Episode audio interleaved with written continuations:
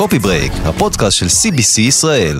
שיחות קצרות על נושאים גדולים עם עמוס הררי.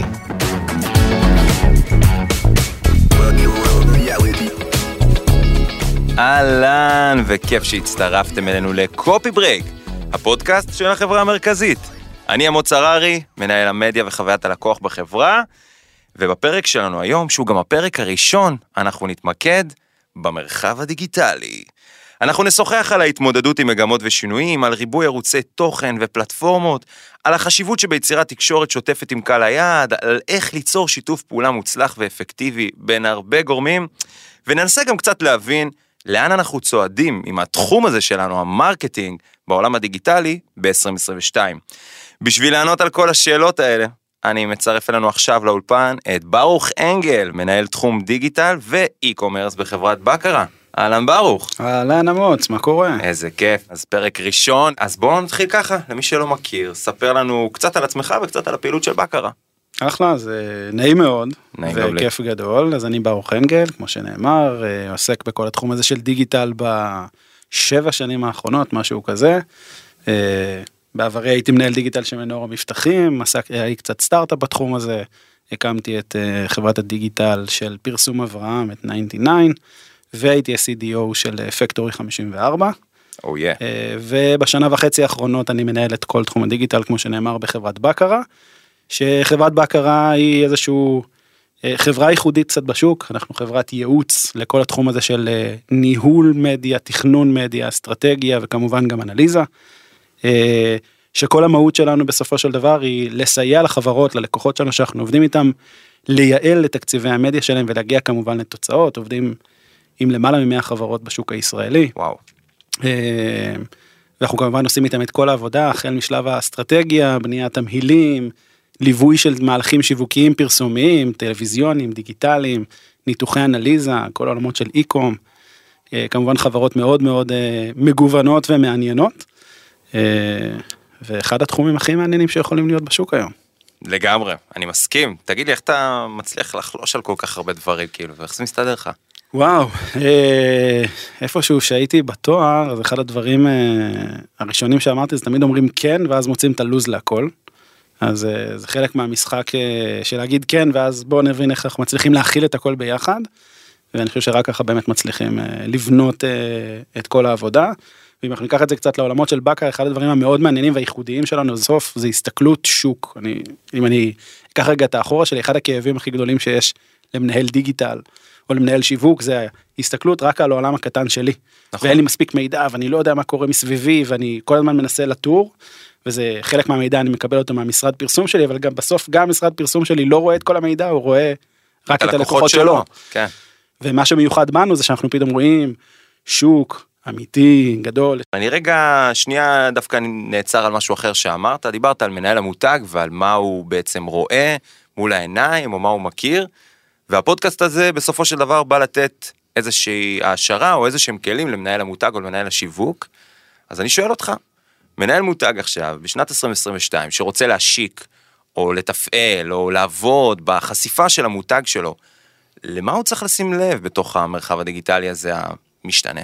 אז כשאנחנו בכלל אה, מסתכלים על השוק שלנו אני חושב שאחד האתגרים הכי גדולים ואנחנו כאילו מי שכבר עובד בתחום הזה בטח בעולמות של דיגיטל הוא כאילו זה נורא obvious אבל אם אנחנו נסתכל על ההתפתחות של התחום הזה בעשר שנים האחרונות לפני עשר שנים זה היה בואו נכתוב איזה מודעה לעיתון אה, פלוס איזה משהו בטלוויזיה ושם זה היה נגמר נכון. ואנחנו היום אה, לפני כל מהלך שיווקי שאני עושה העבודה הראשונה הזו של בניית פרופיל לקוח ומי הוא ואיפה הוא נמצא ואיפה אני אמצא אותו ומה אני בכלל צריך לעשות אנחנו מגיעים לעולם חדש שמדבר על ריבוי פלטפורמות משוגע. אני עולה בפייסבוק ואני עולה באינסטגרם ואני עולה בטיק טוק ואני עולה ב... אה, אה, בפודקאסט כולנו כן. פה קמפיין חיפוש שופינג במה אני בכלל עולה ואני מגיע לעולם חדש שבו אני צריך לחשוב בצורה כל כך כל כך רח- רחבה להבין איך הדברים בכלל אמורים להשתלב אחד עם השני וזה אגב אתגר אדיר כאילו זה נורא נחמד לשבת על, על, על תמהיל מדיה כזה שאומר בואו נעשה ב-20 אחוז ב-awareness 30 אחוז ב... רגע אבל איך הדברים האלה מתחברים ואיך הם נכון. עובדים ביחד וגם בכלל אם מסתכלים על זה יותר ארוך, איך אני עושה מהלך שיווקי אחד, אבל אני, שום מהלך שיווקי לא נעצר במהלך אחד. אני מסתכל על זה בראייה שנתית, בראיית lifetime, בראיית לקוחות. אלה דברים שהופכים להיות מאוד מאוד מסובכים, אבל אני מנסה לקחת את זה רגע בנקודה אחת, הדבר, שני הדברים הראשונים שאנחנו בכלל אמורים להסתכל עליהם, לדעתי, ואני אומר את זה דווקא בתור איש מדיה, mm-hmm. זה הדבר ראשון להבין מי הקהל שלנו ואיפה הפלטפורמות שהוא בכלל נמצא, כי אני חושב שזה אחת השאלות הכי גדולות שאני אמור לשאול אותי, לשאול את עצמי על ההתחלה. כי יש לזה גם נגזרות בצורת חשיבה של עם מי אני אמור לדבר, האם הקהל שלי נמצא שם או לא נמצא שם, וגם איך אני בכלל אמור לדבר איתו. אה, כי אחד האתגרים שנולדו לנו, ואגב, גם כשהייתי במשרד פרסום, זה היה אחד הדברים ש, שדיברנו עליהם המון. פעם היה נורא כיף, היית מייצר אה, מודעה בעיתון, שלום על ישראל, כזה צ'צ'ינג של כסף וביי. והיום אתה מושיב מיליון אנשי קריאייטיב ואנשי social וכל צוות שמטפל פתאום בלקוח זה כל כך הרבה אנשים כדי להצליח להוציא תוצר פוסט, שהוא כן. כבר הוא, הוא פוסט ועוד זה, זה הפך להיות כל כך מסובך זה כבר לא מודעה אחת זה עשרות תוצרים שאנחנו מייצרים בשביל קמפיין בודד, תעשה לי את זה ריבועי בשביל פייסבוק או אינסטגרם, תעשה לי את זה ורטיקלי בשביל stories, uh, תעשה לי reels בשביל וידאו וטיק טוק זה בכלל אמור להיראות אחרת יותר uh, מהימן ואנושי ולא משהו שהוא אותנטי. רק יפה, אותנטי. כן. אז, אז אלו דברים שהם כל כך משנים לנו את ההסתכלות, אז אומר דבר ראשון הפלטפורמות כדי שבאמת נוכל להיות מדויקים בצורה שבה אנחנו מסתכלים על הדברים, והחלק השני זה דווקא אזורים שאתה בא מהם, אזורי התוכן, מה אני מעלה, האם אני מעלה את אותו דבר, האם אני אמור לדבר ב... צורה שונה בפלטפורמות שונות. ואני חושב שזה אחד, ה, אחד האתגרים הכי גדולים של כל השוק הזה, של כולם, גם של צד הלקוח, אם זה מנהלי מותג או מנהלי שיווק, גם של משרדי פרסום שנדרשים לעשות המון התאמות שהן לא טריוויאליות בשום צורה שהיא, mm-hmm. וגם בכלל אם אנחנו נסתכל על זה בצורה רחבה, איך אנחנו בכלל מנתחים את כל הדבר הזה, מה הייתה ההשפעה של הדבר הזה. זה בהחלט אתגרים מאוד מאוד משמעותיים, אני חושב שלשם אנחנו בעיקר בעיקר הולכים. החלק האחרון של מדיה, הוא אי אפשר כמובן להוריד, להמעיט במשקלו, אבל הוא משהו שהוא by-product להרבה מאוד דברים, אה, ולגמרי אפשר גם להכיל אותו בתוך כל הסיפור הזה. אוקיי. אה, מעניין אותי איזה משהו אה, שהוא תוצר נגיד של מה שאמרת. דיברת על הקטע של מה קורה אחרי שעליתי באיזשהו קמפיין. ומעניין אותי קצת מה, מה הדעה שלך על כל נושא הפיקים. אני עולה בפיק מאוד חזק, אני עכשיו מפרסם, עולה בקמפיין, שילוט חוצות, וטאבולה אאוטבריין, ויוטיוב, וסרטים, וטלוויזיה והכל, ואז שתיקה. ביי. ביי, בדיוק. מה... מה דעתך, זה, זה רלוונטי בכלל למקום שבו אנחנו נמצאים? אז אני חושב ש... הזכרתם קודם את הכנס וזה אחד הפרקים שלנו בכנס, כי אני חושב שאחד הדברים ש... ש... זה קצת מחלה ישראלית, כי בעולם גם כבר מתייחסים לדברים האלה בצורה מאוד מאוד שונה, גם אם תלך לשוק ההייטק גם מסתכלים על זה בצורה שונה. אה, אנחנו כבר לא עובדים בצורת הגל וביי. עשיתי מהלך פרסומי, הגעתי ל reach, הגעתי, הגעתי, הגעתי וביי, ואז ייקח מלא זמן עד שאני אדבר פעם נוספת. אנחנו מדברים פה על הפרדה מאוד מאוד ברורה בין שני תחומים שהם לגמרי משלימים אחד את השני ואנחנו אמורים לדבר בשניהם תמיד. האחד, אם נדבר טיפה במונחים מקצועיים כאלה, האחד אנחנו מדברים בעולמות של, של acquisition, בסדר? שאנחנו, גם כשאנחנו מדברים על, בעיקר על מהלכים כאלה. תרגם לנו בעברית. תרגם לעברית. Uh, מהלכים של acquisition בסוף שאנחנו מדברים עליהם, הרציונל שלהם זה מהלכים שמטרתם להגיע מצד אחד ללקוחות חדשים ומטרתם בפועל היא להניע את הלקוח לבצע פעולה מסוימת. הרכשה. הרכשת לקוח כן. כשאנחנו מדברים על יש תחומים שבהם זה נורא נורא obvious e-commerce תגיע לאתר שלי תקנה לידים תגיע לאתר שלי תשאיר פרטים או תיצור קשר בעולמות ה-awareness טיפה יותר קשה להגיד איך עושים באמת את ההרכשה הזו. ואני אשמח שתתייחס כי אנחנו. אה, חברה שנכון לרגע זה אה, אין לה איזשהו אתר ומעניין אותי דווקא שתתייחס לזה אחר כך. אין בעיה נתייחס לזה גם והחלק השני שאנחנו מדברים עליו בהקשרים האלו זה כל חלק ה... הריטנשן עם לקוחות כי כשאנחנו בסוף מדברים על, על תקשורת זה לא נכון בשום סיטואציה שהיא לדבר עם בן אדם ואז להיעלם. אף אחד גם כשאני עכשיו עשיתי קניתי משהו מאיזשהו עסק מסוים הציפייה שלי בדרך כלל היא להישאר איתו באיזשהו תקשורת. זה לא אומר שאני כל יום צריך לשאול אותו אה שתית? איך הרגשת? זה כנראה לא מה שהבן אדם מצפה אבל הוא בוודאי מצפה שאם אני לקוח נורא נאמן שלך אתה תדע לדבר איתי בצורה שונה מאשר בן אדם שוואלה לא קונה או קנה בפעם הראשונה. אם התנסיתי אגב במשהו זה גם זה צורה שלמה שלמה לשיח בינינו למה אני רוצה. Mm-hmm. אז ברור שיש פה מערכות יחסים מאוד שונות קנית רכב חדש אתה מצפה למשהו מסוים קנית קוקה קולה זה משהו שהוא טיפ טיפה שונה אבל אלו דברים שאנחנו לגמרי צריכים לחשוב עליהם בצורה שהיא. יותר מורכבת ממה שאנחנו עושים. עכשיו אם ננסה רגע לקחת את התחום הזה באמת של awareness, איך אנחנו מייצרים חברה שבבסיסה מדברת בעיקר על לייצר מודעות, גם בפיקים אבל גם לאורך זמן כדי באמת להראות את, ה, את הצמיחה הזו, אנחנו בסופו של דבר מדברים על אחד עולמות של דאטה האם אני משחק בעולמות של דאטה או לא משחק בעולמות של דאטה וזו שאלה מאוד מאוד גדולה כי ברגע שאני לא משחק בעולם של דאטה נורא קשה לעשות את התהליכי retention האלה או תהליכי retention בסוף מדברים על היכולת שלי לחזור לאותו לקוח. זה אומר שבעצם אני אשאר תמיד באופציה של לעלות ב peak וגמרנו. אה, זה אומר שאני אוכל ברוב המקרים לסיים באזורים האלו. החלק השני שאני יכול להתבסס עליו זה עדיין דרך מזהים כאלו ואחרים שעולמות הדיגיטל נותנים לנו, אם זה העוקבים שלי בפייסבוק העוקבים שלי באינסטגרם או כלים כאלו של מי צפה בווידאו עשה כל מיני פעולות של remarketing אה, אה, כאלו ואחרים של engagement אז אנחנו יכולים להישאר בהם אבל ברור לכולנו שאלו דברים שהם מאוד מאוד בסיסיים. עכשיו, אם אנחנו נדבר, ניקח את הדבר הזה שנייה קדימה, אז לא תמיד אנחנו צריכים לבוא ולהגיע לסיטואציה שיש לי אתר או e-commerce שבאמת בו אני אוסף המון, המון מידע, או קופונים אה, כאלו עד אינסוף. Mm-hmm. אני גם יכול לדבר על, תקשיב, אם אתה בן אדם שהוא לקוח נאמן שלי, אני מצפה ממך באיזושהי נקודת זמן לעקוב אחריי בפייסבוק. יש לי איזה ציפייה כזו, בסדר? למה? כי אני מצפה שאתה תרצה לשמוע ממני, לראות מה יש לי להגיד, מי אני, מה אני. ואז אני בחשיבה שלי אם אני מדבר רגע על המעבר מה acquisition ל retention אני אנסה להניע את אותם לקוחות שאני מאוד רוצה להמשיך את התקשורת איתם להגיד להם אוקיי אז תגיעו עד לכאן תגיעו ללהיות עוקבים אחריי או תגיעו לנכס דיגיטלי מסוים שאני רוצה שתהיו דווקא בו וממנו אני אניע את תהליכי הריטנשן לאו דווקא עכשיו במסעות לקוח לאו דווקא עכשיו ב... אני אשלח לך מיילים אסמסים כי אני לא יכול אין לי את המידע שלך. אבל אני כן אתקשר איתך במקומות שבהם אני יודע להגיד, להגיד שאתה מגיע למקום שדרכו אני מבצע, מבצע איתך את האינטראקציה הזו, בסדר? מה שנקרא מפת הטאצ' פוינטים שלי, איך אני מייצר טאצ' פוינטים לקוח, איך אני והוא נפגשים באיזושהי נקודה, אני נותן לו מידע, ולפעמים אנחנו גם שואלים את עצמי איזה מידע אני יכול לקבל ממנו, וזו כבר שאלה גדולה אחרת, שהיא לגמרי. סופר רלוונטית, סופר חשובה בכלל בראייה קדימה, לכל השנים הקרובות של, של כל החברות בעולם. אז אם אני בכל זאת אנסה לחלץ ממך אולי אפילו במשפט, למנהל מותג עכשיו שאין לו תקציב ענק. והוא צריך לבחור איפה לשים את הביצים. אז מה היית ממליץ לו? ב... במשפט קטן כזה. במשפט קטן?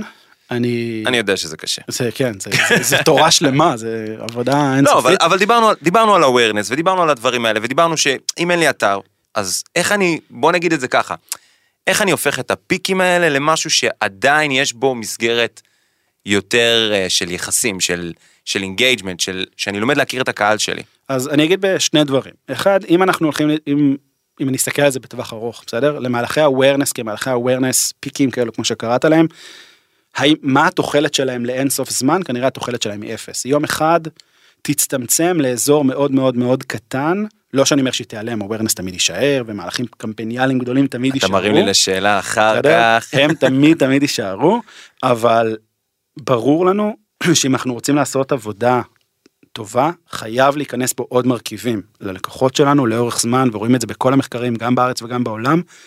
הציפייה של לקוחות היא ליותר מאשר תגיד לי משהו על המוצר, על המוצר שלך, היי יצאתי עם טעם חדש, אוקיי מגניב, ומה הלאה? מה הערכים שלך, מי אתה, מה אתה עושה, למה אתה עושה. אה, ואם אני אגיד את זה לדעתי מה הדבר הראשון, הדבר הראשון שמנהל מותג כזה אמור לשאול את עצמו זה איזה נכסים דיגיטליים יש לי, האם אני צריך נכסים דיגיטליים חדשים שלא קיימים לי, mm-hmm. ואיך אני מפתח אותם לאורך זמן. עכשיו זה לא אומר שאני צריך להקים אה, מחר בבוקר אתר ולהשקיע בו אינסוף כסף, אלא אני צריך לחשוב על לאן אני יכול, איך אני מנתב את הקהלים האלה למקום שבו אני יכול לייצר איתם אינטראקציה הרבה יותר פשוטה, גם הרבה פעמים הרבה יותר זולה, בסדר? כל פעם לעלות בקמפיין ממומן זה עולה הרבה מאוד כסף. אה, ולדבר הזה יש גבול, בסדר? כאילו כולנו, הלוואי וכולנו היינו חיים בעולם האין סוף כסף לקמפיינים ממומנים, אבל זה לא מתקיים. לא. אה, אז אנחנו פשוט נצטרך למצוא את האזורים שבהם אנחנו כן יכולים לייצר את אותה אינטראקציה. אז אמרתי, הרמת לי להנחתה, ואנחנו שנינו אנשי דיגיטל. אה, בא לי שתדבר קצת על המקום של מדיה מסורתית, על שילוט, על עיתונות, על טלוויזיה, ואולי בפרט בישראל, זה עדיין מדורת השבט? אה, אוקיי, אחד מהדברים שאנחנו, אם אנחנו מסתכלים רגע על ה distribution, לפחות בעיני בקרה כמו שאנחנו רואים אותו, אנחנו עדיין רואים מעיני הלקוחות שלנו של טלוויזיה היא עדיין גדולה מדיגיטל, בסדר? אמנם מספרים מאוד מאוד דומים, בסדר? אנחנו מדברים פה על 45-43 אחוזים אחד לשני, זה אומר שעדיין בישראל, בטח בלקוחות שהם לקוחות awareness, טלוויזיה היא שחקן מאוד מאוד משמעותי. בהיבטים האלה בוא נגיד גם שני דברים שהם מאוד ברורים לנו והם שני תהליכים שקורים כל הזמן. הראשונה כל העולמות של טלוויזיה איכותם יורדת בסדר? זה אומר שאם אנחנו מסתכלים היום על הניסיון להגיע לריץ' מאוד גבוה בטלוויזיה הריץ' בטלוויזיה יותר נמוך ממה שהוא היה לפני חמש שנים. דרמטית. כי פחות אנשים נמצאים מול הטלוויזיה כי יותר אנשים הולכים וצופים בטלוויזיה בערוצים שהם אחרים. אם אנחנו מסתכלים רגע על הטלוויזיה אנחנו מחלקים אותה ברמה המקצועית שנייה. אנחנו מדברים על ליניאר TV, טלוויזיה שהיא ברמה ליניארית, שזה מה שכולנו מכירים, מגיעים הביתה, יושבים מול הטלוויזיה, שמים ערוץ 12, ערוץ 13, 14, 9, לא משנה מה, ואנחנו רואים מה שכרגע אותו ערוץ החליט להגיש לנו. כן. לזה אנחנו קוראים linear TV. בכל השנים האחרונות אנחנו מכירים את כל הכניסה של אה, צפייה נדחית, בסדר? אני עכשיו ראיתי משהו אחר, אני מריץ אחורה ואני רוצה לראות, או צפייה on demand, כל העולמות ה-VOD, אני רוצה לראות בזמן של מה שנוח לי, או בכלל צפיית סטרימינג. אני לא יושב מול טלוויזיה, אני יושב כרגע מול צפייה דיגיטלית לגמרי, ואני צופה דווקא בה. אז ברור לנו שככל שאנחנו רואים את הקהלים הצעירים, הם הרבה פחות יושבים מול הטלוויזיה הליניארית. בסדר, אנחנו מדברים על זה שהקהל הצעיר, האחוזים שלו שם הם יורדים ויורדים ויורדים, וזה חבר'ה שצופים הרבה יותר VOD, צופים הרבה יותר בערוצים דיגיטליים, יוטיובים וכל מיני דברים כאלה. וזה אוטומטית גורם לטלוויזיה לעשות כמה, ש... כמה צעדים אחורה ברמת ההפצה והגעה לקהלים לעומת מה שהיה לנו בעבר. אז איך אני פותר את זה? אני מתייחס לטלוויזיה באופן אחר? אז הרציונל שלנו, אנחנו מסתכלים רגע קדימה, אנחנו בעצם מדברים לא על כלים, אלא נדבר בסוף על מסכים. בסדר? Okay. אוקיי. אני בסוף מדבר על זה שאני אמור להבין מה המסכים שמולם הקהל שלי יושב, ואיך אני מגיע לאותם קהלים. אז זה אומר שאני בסוף מייצר סיטואציה שבה אני אמור לשלב בין כלי אופליין, טלוויזיה למיניהם, לבין כלי דיגיטל, צפייה שהיא צפייה דיגיטלית. אוקיי? אמור להיות איזשהו שילוב בין השניים כדי להבין איפה הקהל שלי נמצא ואיך אני יכול להגיע דווקא אליו. עכשיו אם תגיד לי אני עולה לקמפיין דיגיטלי, עולה לקמפיין בכלל, לחבר'ה בגילאי 18-24 וזה משהו שאנחנו פוגשים לא מעט בחברה המרכזית. נכון. אה, אז אנחנו מדברים פה על זה שטלוויזיה יש לה אתגר מאוד גדול כי החבר'ה האלה הם לא נמצאים כל היום מול הטלוויזיה. ניקח חיילים, רובם בטח לא מול הטלוויזיה, הם כנראה בצבא ולא יושבים מול הטלוויזיה לצפות בתוכניות. ולא לשבור שמירה חבר'ה, מי ששומע אותנו, לא לשבור שמירה. לגמרי.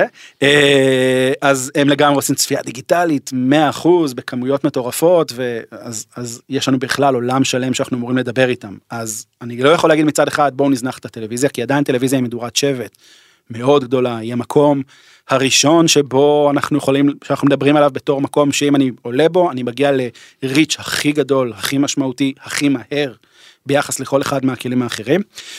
אה, ואם ניקח את זה גם להשוואה לחברות אחרות שניסו לנו נגיד לעשות השקות בלי טלוויזיה, אני רוצה לעשות השקה דיגיטלית 100%, לא ראינו בהם הצלחות גדולות. בסדר? אנחנו רואים הרבה יותר הצלחה בשילוב בין השניים, גם דיגיטל, גם אופליין. כל השאלה הנורא גדולה פה, מי הקהל שלך, איפה הוא נמצא, ואיך אני בונה תמהיל שמצליח לשחק בסוף על ראייה של מסכים, לא של פלטפורמות. זאת אומרת שאני בסוף מסתכל על מסך, בסוף אני מסתכל על זה ככלי וידאו, כלי וידאו הוא בטלוויזיה, כלי וידאו הוא בטלפון הסלולרי, כלי וידאו הוא טלוויזיה דיגיטלית, צפיתי ביוטיוב בטלוויזיה שלי בסלון, זה גם... אבל אני מתייחס לזה עדיין כאותו מסך שיכול לשרת אותי לכמה דברים. חד משמעית, זה בעצם ההסתכלות שלנו, בסדר? וזה המקום שאליו אנחנו הולכים, בסוף אנחנו מסתכלים על הכלים כאיזשהו מגש אינסופי של אמצעים שאיתם אני יכול לעבוד כדי להגיע לקהל שלי, והעבודה הקשה היא תמיד מתחילה ממי הקהל, איפה הוא נמצא, עכשיו בואו נחליט על כלים, מה רלוונטי לו ומה לא, לא רלוונטי לו. והדבר האחרון שאנחנו צריכים עדיין לזכור שטלוויזיה עושה וכנראה תעשה לעולם, בטח בשוק הישראלי שיש בו שניים ורבע ערוצים, אה, יש לה את, ה, את האפקט הילה מאוד גדול. לגמרי. עליתי בטלוויזיה, רואים דווקא אותי ולא מישהו אחר, אני נמצא ברף כניסה מאוד גבוה, אז לדברים האלה חד משמעית יש את היכולת להביא משהו שאין לאמצעים הדיגיטליים עדיין את היכולת להביא אותם באותה רמה. אה, ואם אני אקח אותך שנייה לעולם, אז בעולם בעיקר מדברים על כל מה שקשור בטלוויזיה דיגיטלית. בסדר? אז אנחנו מדברים, אם ניקח נגיד את ארה"ב, בסדר? ארה"ב שוק כן. טלוויזיה הרבה יותר מסובך מאיתנו, אה, כי זה לא רק טלוויזיה, אצלנו יש, יש טלוויזיה שהיא כל מדינת ישראל, שם יש לך טלוויזיה לפי מדינה, טלוויזיה שהיא נשיונל, זה הסתכלות שונה לגמרי בעולמות האלה. ושם כל העולמות של טלוויזיה דיגיטלית, בסדר? לעלות מה שנקרא CTV או OTT, שם צומח בטירוף, אנחנו מדברים על זה שהשוק הזה הפך להיות שחקן מרכזי, משמעותי, מכמה היבטים מאוד חשובים. אחד זה הטלוויזיה, אני עדיין מופיע לבן אדם תוך כדי שהוא צופה בתוכן הטלוויזיוני שאותו הוא רצה, אבל אני עולה רק לקהל שאני בחרתי לעלות, מה שמגיע מעולמות הדיגיטל, מה שלא קיים בטלוויזיה, אני עולה בהתאם לקהל, אני יודע להגיד שהייתה חשיפה באמת, שאני היום ביכולות המדידה שיש לנו היום לא בטלוויזיה, מסוגל. לא מסוגל, ושם יש מדידה אמיתית כמו של דיגיטל, היה אימפרשן, היה view, אני יודע להגיד את המספרים האלה בצורה מאוד מאוד ברורה.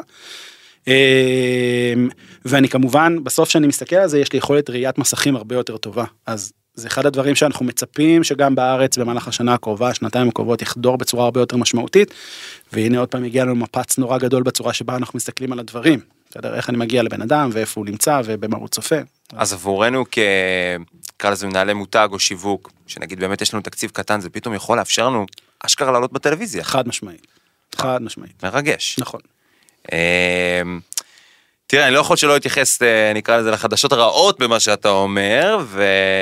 וזה כל הריבוי ערוצים האלה. כבר קצת נגענו בזה, אבל איך, אתה יודע, איך אני בא עם בשורות טובות פה למנהלי המותג, זה רק מסתבך, רק עוד ועוד ועוד כלים ועוד סטארט-אפ שנכנס ומאפשר לך את הדבר הזה, ואיך מתמודדים עם ריבוי פלטפורמות, ואני גם אשאל יותר מזה, איך אתה לא נמצא באיזשהו overwhelming, שאתה כבר לא באמת יודע מה האמת בסופו של דבר. אה, אז זו שאלה טובה. אה, ואני חושב תודה. ש... אני- כן, טוב שאנחנו פה, כן, מזל שהגענו. לגמרי. אה, אני יכול להגיד בהקשרים האלה, אחד, אז באמת יש המון סטארט-אפים שנולדים באזורים האלה באמת כדי לנסות לעשות לנו את אותו סדר, אוקיי? אה, כי בסוף בסוף בסוף אנחנו מדברים פה על אתגר מאוד גדול להבין מה הריט שלי, לכמה אנשים באמת הגעתי ומה הפריקוונסי שלי ומה הייתה ההשפעה ויש פה המון המון גלגלים שאנחנו מנסים אה, בסוף לח- לחבר ביניהם. זה, כל העולם הזה הוא כל כך הרבה מידע ומה היה קורה אם הייתי מוריד ומה היה קורה אם הייתי מעלה ומה היה קורה אם הייתי עובר פלטפורמה האם זה היה עושה את אותו אימפקט לא את אותו אימפקט אז יש פה הרבה דברים שהם מאוד מאתגרים כדי להפוך אותם באמת למתמטיים וחשוב כן. להגיד שבסוף מתמטיקה פה היא לא שלמה זה לא משוואה שיש לה שווה תוצאה ברורה אחת אה, אלא אנחנו הרבה פעמים עובדים בשיטה של קצת ניסוי וטעייה אה, ומנסים לבוא ולבחון עבד לנו בוא ננסה לשכפל ולנסות קצת שינויים כדי להבין איך זה בכלל מתקדם. כן. אה, בעניין של כמות פלטפורמות כנראה אנחנו לא נלך אחורה. בסדר? אנחנו רק, רק אה, קדימה. אנחנו רק קדימה, בסדר? אנחנו מדברים על זה שכל יום נולד לי אחד הדברים שגם אה, מאוד מעניינים טיק טוק, בסדר? אמנם אצלכם קצת יותר בעייתי, אבל טיק טוק הפך להיות הפלטפורמה המחופשת ביותר בעולם, עברה את גוגל מבחינת כמות החיפושים שיש לה. עם זאת בשוק ישראל היא פחות מאחוז אחד מתקציב המדיה. בסדר? הפלטפורמה הגדולה בעולם הכי מחופשת, הכי מעניינת, הכי הכי הכי הכי, שוק ישראל עוד לא הכיל אותה בכלל באיך אני... שמרנות? שמרנות, חוסר היכרות, לא יודעים איך לגשת לדבר הזה, לא יודעים למדוד את הדבר הזה עד, עד מה הוא הולך לעשות לי באמת, מאוד מאוד מאתגר איתו, אבל ברור לכולם שקורה פה משהו, יש פה איזה, יש פה איזה שחקן ש, שעושה רעש, שעושה בלאגן, שהדור הצעיר והמגניב נמצא דווקא שם ו, ואנחנו מנסים עוד כל פעם להבין איך אנחנו מכילים את הדבר הזה והנה פלטפורמה שאנחנו כמעט ולא מדברים עליה, לא מדברים עליה ביום יום. מדברים עליה בתור איזה משהו כזה ראיתם שקרה משהו אבל לאו דווקא מדברים עליה כחלק מתמהיל קמפניאלי ברוב, ה, ברוב המפרסמים הישראלים לפחות לשנה הזו של 2021.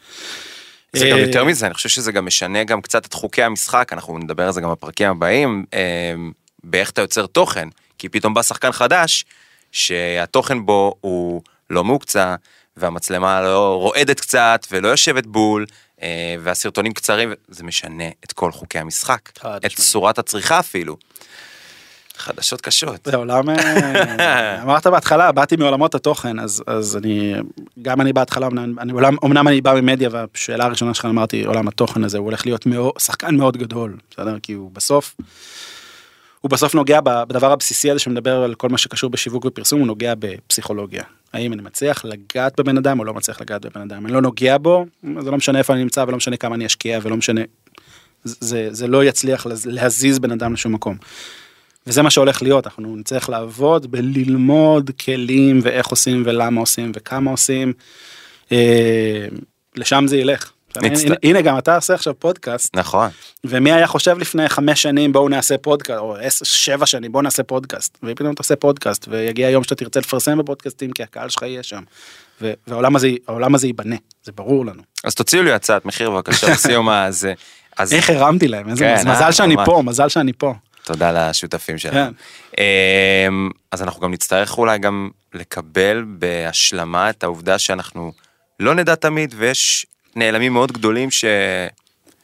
שלא יהיו כבר דברים שידענו פעם ועכשיו כבר לא נדע כי יש כל כך הרבה ערוצים וכל כך הרבה אמיתות. אני לא יודע אם פעם גם ידענו, אתה יודע, אנחנו, כיף לנו להגיד, כן, ידענו, מדדנו, עשינו, אני חושב שהיום אנחנו יודעים יותר ממה שידענו פעם, כי אם אנחנו ניקח את המהלכים, הטל... אה, לא יודע, 15 שנה אחורה, עשו מהלך טלוויזיוני, וואו, איזה מהלך מוצלח היה. מישהו ידע להגיד כמה ראו את זה? לא, ידעו כמה זה, כשעלינו לאוויר, שמכרנו, ואמרנו, כנראה באמצע עשינו מג'יק כזה נורא נורא יפה, והגיע מכירות. האם מישהו יודע להגיד שבאמת יש יחס אחד לאחד? חד משמעית לא. אה, וגם היום שאנחנו עושים את הדבר הזה, אז יש לנו אתגרים, אנחנו כן יודעים להגיד הרבה יותר מידע, הרבה יותר מספרים. זה חלק מהעבודה, ש... דיברנו שלנו. בהתחלה על העבודה שלנו, בסדר? גם כאנשי דיגיטל, גם במקום שבו אני נמצא היום בבקרה, זו עבודה נורא קשה. בואו ניקח את המספרים ונחתוך אותם ונבין איך הדברים מתחברים אחד לשני, זו עבודה מאוד קשה, מאוד סזיפית, מאוד לא ברורה מאליה. יש מעט מדי אנשים שמתמחים בתחום הזה. אה, אבל זו המטרה, המטרה היא להפוך את המג'יק הזה שתיארנו אותו ממש לפני רגע, למשהו שהוא יותר מתמטי, שאני יודע לנתח אותו ולהבין מה היה הגורם המשפיע. האם זה הפלטפורמה, הקריאייטיב, העוצמה של, של המדיה שעליתי איתה, הזמן, התזמון, המזג אוויר, יש פה כל כך הרבה דברים שהם מסביב. אה, וזה אחד הדברים שאני יכול, יכול להגיד לך שאצלנו אנחנו ממש עובדים בלפתח אותם, גם ברמה הטכנולוגית. עוד, עוד יבוא יום שנדבר על הדברים האלה לעומק, אסור לי, אני ב-NDA, כן. אבל אנחנו עובדים ממש כדי לפתח ולהוציא אותם כ, כנתון מאוד מאוד מוגדר. הבנתי. אמ, נשאל אותך איזה שאלה, כי בכל זאת, אמרנו שאנחנו יודעים יותר, אבל בשנה האחרונה נחתה עלינו איזושהי בשורה שגורמת לנו קצת אה, לדעת פחות. אה, איך אתה מתייחס לכל השינויים האלה בעולמות ה privacy, הדאטה?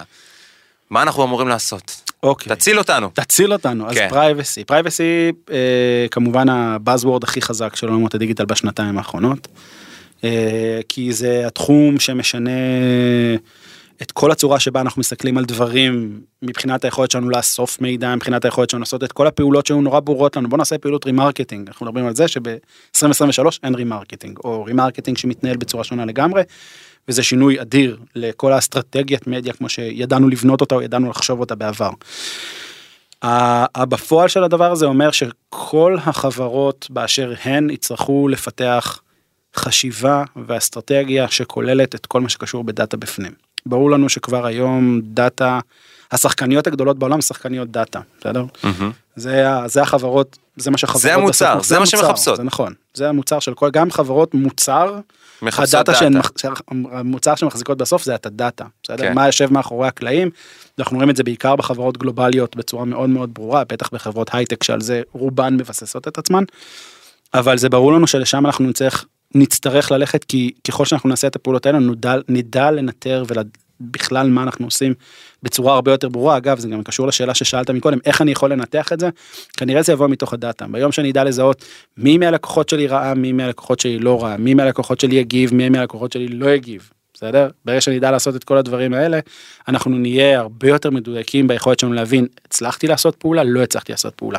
הלקוח הזה ראה את זה, האם אחרי זה הוא הגיב, אם הוא ראה משהו אחר, אולי היה מגיב אחרת. מהמם. ביום שאנחנו נוכל לרדת לרמות האלו, וכמובן זה רמות מאוד מאתגרות, מאוד. אנחנו נוכל לעשות אותם, אבל הבסיס שלהם אומר שאני צריך את הדאטה של הבן אדם, אני צריך לדעת לזהות מי הוא, ואני צריך לדעת מה הוא ראה. אם אין לי את זה, אז שום דבר, זה מגדל, בסדר? אין לי את הבסיס. אז בעצם גם כל השינויים האלה שהגיעו מעולמות ה privacy, התחילו מאפל, רגע נעשה ככה איזשהו recap קטן, התחילו מאפל שאמרו שהם כבר לא עוקבים אחרי אנשים, בעצם המידע נעלם, עידן ה cookieless, אה, מלא דברים. הובילו אותנו ממקום של תלות דווקא לאיזשהי סוג של עצמאות מסוימת. אני מסכים איתך חד משמעית, אני... ההגדרה המדויקת של זה, גרמו לנו לקחת אחריות על כל נושא הדאטה. אם עד היום היינו ב... כן, אני אצבע אנשים בתוך הפלטפורמה ואני אוכל לעשות כל מיני דברים ואני מסתמך על הטכנולוגיה החיצונית, אנחנו מדברים על זה שאני הולך להתבסס הרבה יותר על עצמי. אני אחראי לאיסוף דאטה שלי, אני אחראי על איזה מידע אני יכול להשתמש בו, אני אחראי על לשים אותו בתוך המערכת, אני אחראי על הכל. זה אומר שגם, אם נדבר טיפה על עולמות שהם אולי לא ב core business של, של החברה היום, אבל נגיד ניקח את עולמות ה e-com, בסדר? מהמם. אז עולם ה e-com, אחד הדברים ה... ה... המעניינים בו או הכואבים בו תמיד היו אומרים אנשי המדיה הבאתם אנשים לא טובים לאתר. אבל אולי האתר לא מגיב טוב לאנשים שאני מביא. הבאתי כבר בן אדם אז תדע מה לעשות איתו. כשאנחנו מדברים אגב על העולם החדש הזה וזו הסיבה שהבאתי את הדוגמה. אנחנו מדברים על הסיטואציה שבה המדיה יש לה איזושהי יכולת מוגבלת למי אני מגיע. בסדר? אני, אם אין לי cookies ואני לא יכול להגיע לבן אדם, אז יהיה לי יכולת פחות טובה של remarketing. זאת אומרת שאני אביא אנשים אולי טיפה פחות חמים לאתר, אבל אז האחריות של האתר שלי, האתר, האפליקציה, היא לעשות את העבודה. היא לעשות את העבודה, זאת אומרת שהאתרים שלי יהיו חייבים להיות הרבה יותר, אתרים אפליקציות, בסדר, נכסים דיגיטליים, ניתן לזה שם כללי, יהיו צריכים להיות הרבה יותר חכמים, הרבה יותר מדויקים, להבין באפס זמן מי הלקוח, מאיפה הוא הגיע, מה אני אמור להציע לו, מה הוא אמור לראות, וברור לנו שאתה ואני, או אני וכל בן אדם אחר בעולם, לאו דווקא אני צריך לראות את אותו הדבר, אני צריך לראות מה שמתאים דווקא לנו, בסדר? וזה זה, זה נושא שהוא מאוד מאוד מאוד חשוב, מתחבר לכל העולמות האלו של דאטה ושל אנליזה. חוויית ושל, לקוח. ושל חוויית לקוח, לגמרי, זה, זה כל התחומים האלו שהם לגמרי מתחברים אחד לשני לאיזשהו שלם אחד גדול, כי שיווק, ונתת עכשיו את אחד הבאזוורדים החזקים של, ה, של ה, גם שנה שנתיים האחרונות, החוויית לקוח, customer Mhm. experience, שיווק הוא לא רק שיווק, הוא, customer, הוא חוויית לקוח. בסדר? שיווק הוא חלק מחוויית הלקוח, גם שירות לקוחות הוא חלק מחוויית הלקוח, נכון. גם המוצר שלי הוא חלק מחוויית הלקוח. וזו הסתכלות הרבה יותר רחבה שאגפי שיווק או אנשי שיווק בכלל פתאום צריכים להכיל אותה בצורה שבה הם מסתכלים על העולם שלהם, בסדר? אז זה גם הרבה מעבר לקמפיין טלוויזיוני או פוסט בפייסבוק, אני צריך לחשוב ממש, אפילו אם אני מצליח לאסוף data או לקשר נקודת מגע שנמצאת על המדף, או על אה, שילוט חוצות, או אה, אפילו, לא יודע מה, אה, אפילו בשירות לקוחות, כמו שאתה אומר. אם בן אדם מרים טלפון, אני צריך לדעת את זה, כדי שבפעם הבאה אני אוכל לדבר איתו בצורה שהוא רצה. חד משמעית. לשם, חד משמעית לשם העולם הולך ויש פה אין סוף משתנים לתוך הדבר הזה, בסדר, ניקח אפילו דוגמה מלפני מלא שנים, אבל כש... כשאנחנו אנחנו מסתכלים על הדברים בצורה מסוימת זה נורא מעניין, קח אפילו את כל, לא יודע אם- אתה זוכר, היה את הקמפיין של קוקה קולה לכל עונת ה Christmas בארצות הברית, דאז. שהם עשו את המעטפת שברגע שאתה מושך זה הופך להיות כמו פפיון, סרט. כן סרט נכון. יפה כזה. הדבר הזה עשה כזה באז דיגיטלי, אנשים שהעלו, צילמו, תראו איזה יופי, איזה, היה איזשהו טירוף שלם סביב הדבר הזה, והנה חוויית לקוח שבאה בכלל מעולמות המוצר. שאחרי זה זה עולה ומייצר לי מדיה חינמית והופך להיות פתאום מהלך ממוצר לש... בכלל אחורה לשיווק ולא משיווק למוצר. זה פתאום עושה איזה תהליך הפוך לגמרי ממה שאנחנו חושבים והוא הוא בדיוק השאלה המאוד גדולה שאנחנו שאנחנו תמיד מתמודדים איתה. אה, אני יכול לתת, לתת לך את זה גם מדוג- מדוגמה אחרת של המון חברות שעושות נגיד את כל הסקרי שביעות רצון. הגיע אליך שירות שואלים אותך או קנית משהו שואלים אותך בסוף האם היית נכון להמליץ עלינו ל... אז הן אומרות למה לעצור בהאם היית נכון. השאלה הבאה שאמורה להיות למי? אוקיי למי אתה ממליץ למי אתה תן לי- ממליץ? תן לי מספר טלפון אני הולך לדבר איתו זה משהו שכאילו מבחינתנו היה הזיה לחשוב עליהם בעולמות השיווקיים אבל היום השיווק אמור לחשוב בצורה הזו. אתה ממליץ עליי אז בוא אני אשתמש בך אתה, אתה אמור לעזור לי כדי ללכת עוד שני צעדים קדימה. זה אני לא שואל שאלה כדי לשאול שאלה ולהציג בסוף מצגת מנכ"ל כזו יפה הנה תראו נורא מרוצים מאיתנו. אלא אני אמור להפוך את הדבר הזה לקטליזטור אנחנו יודעים שהאמצעי שיווק הוותיק בעולם והטוב בעולם הוא פה לאוזן. לא יעזור לגמרי. דיגיטל דיברנו דיגיטל ו offline וכולי וכולי פה לאוזן שיווק הכי טוב שיכול להיות.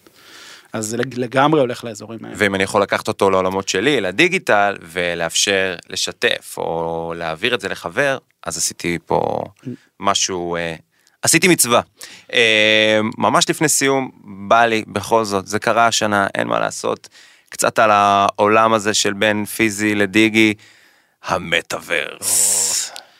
די, בחייאת. זה הולך להיות אמיתי, זה, זה, זה רלוונטי, איך אתה צופה את הדבר הזה? אז אני חושב שזה אחד התחומים עם, עם סימן שאלה אדיר, ואני חושב שזה הציניקנים שכמוני מסתכלים על זה ואומרים לא יכול להיות שזה קורה, לא יכול להיות אבל זה קורה.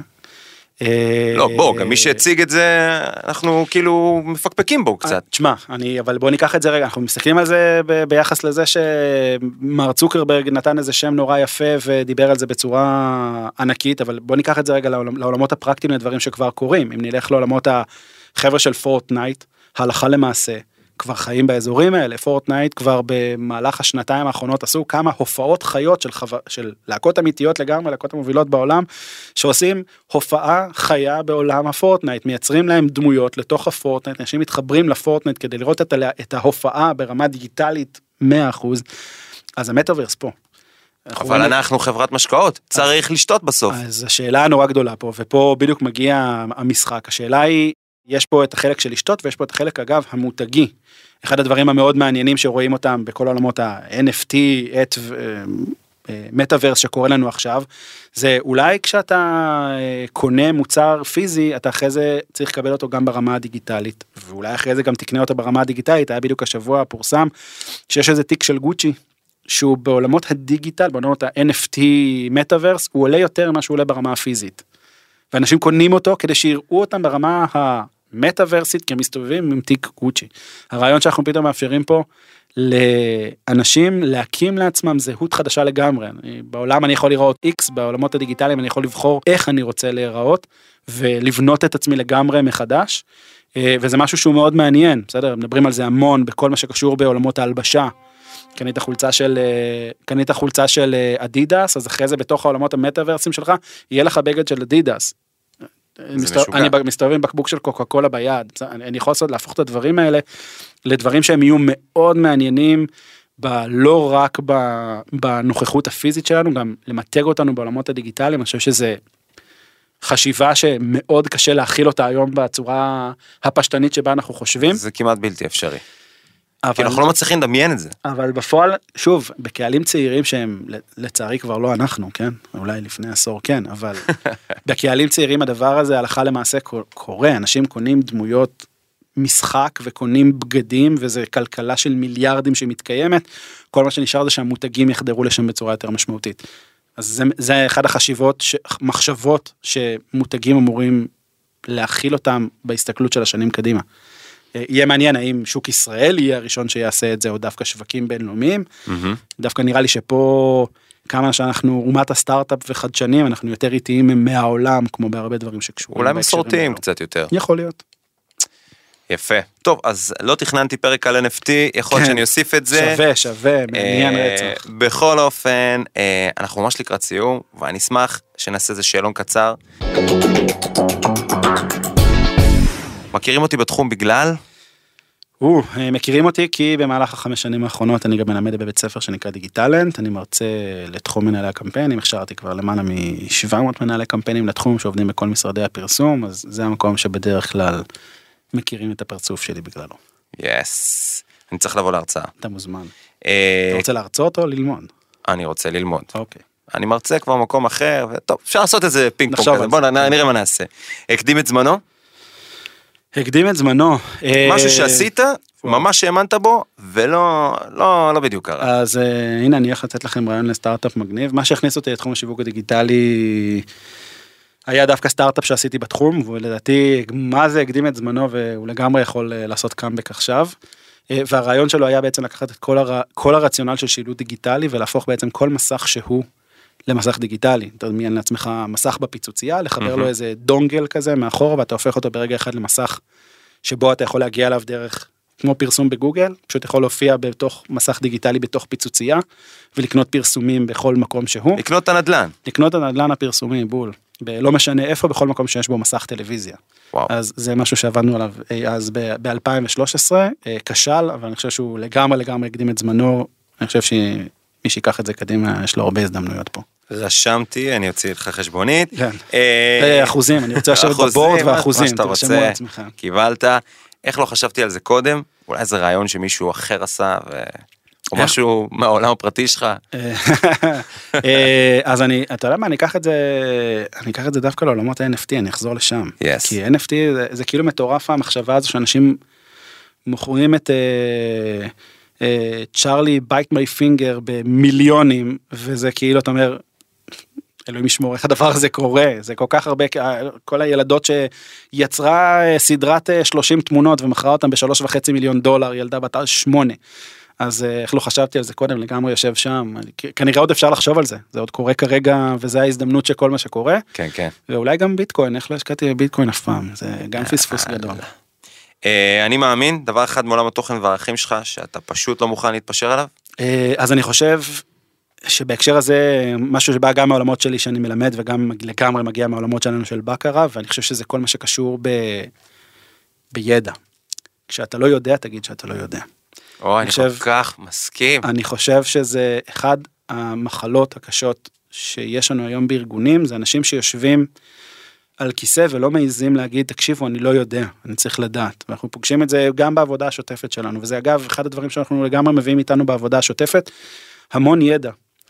אה, לבוא ולהגיד לך היי הנה יש משהו חדש הנה אתה מפספס משהו את משהו שאתה צריך לחשוב עליו בצורה שונה ממה שאתה רגיל ולא להוות איזשהו אה, אה, מחסום ב, בתהליך ההתפתחות הזה. אז כשאתם לא יודעים תגידו אני לא יודע אני חושב שזה רק אומר שאתם אנשים אה, הרבה יותר אה, בטוחים בעצמכם. בטוחים בעצמכם והרבה יותר מקצועיים להגיד את זה אני יודע ואת זה אני לא. אה, ואז הדבר הבא זה להבין ממי אני הולך לקבל את המידע הזה לגשת להגיד שלום היי מה אתם אומרים להביא יועץ זה מאוד בריא ומאוד נכון סופר לגיטימי. ואני חושב שזה זה הדבר הכי חשוב שיכול להיות. ומה הדבר הבא? משהו שאנחנו לא מצליחים לצפות והוא מתרחש סביבנו?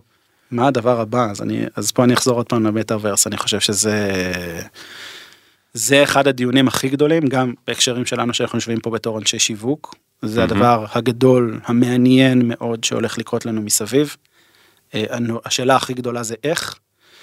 וגם אחד הדברים שדיברנו ואיך אני מודד אותו בסדר זה גם כן שאלה מאוד גדולה.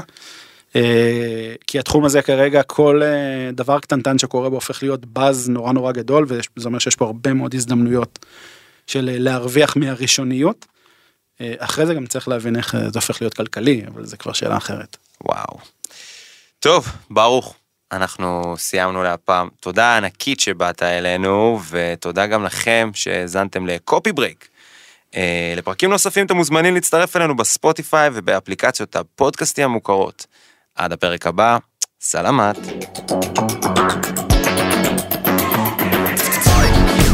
Like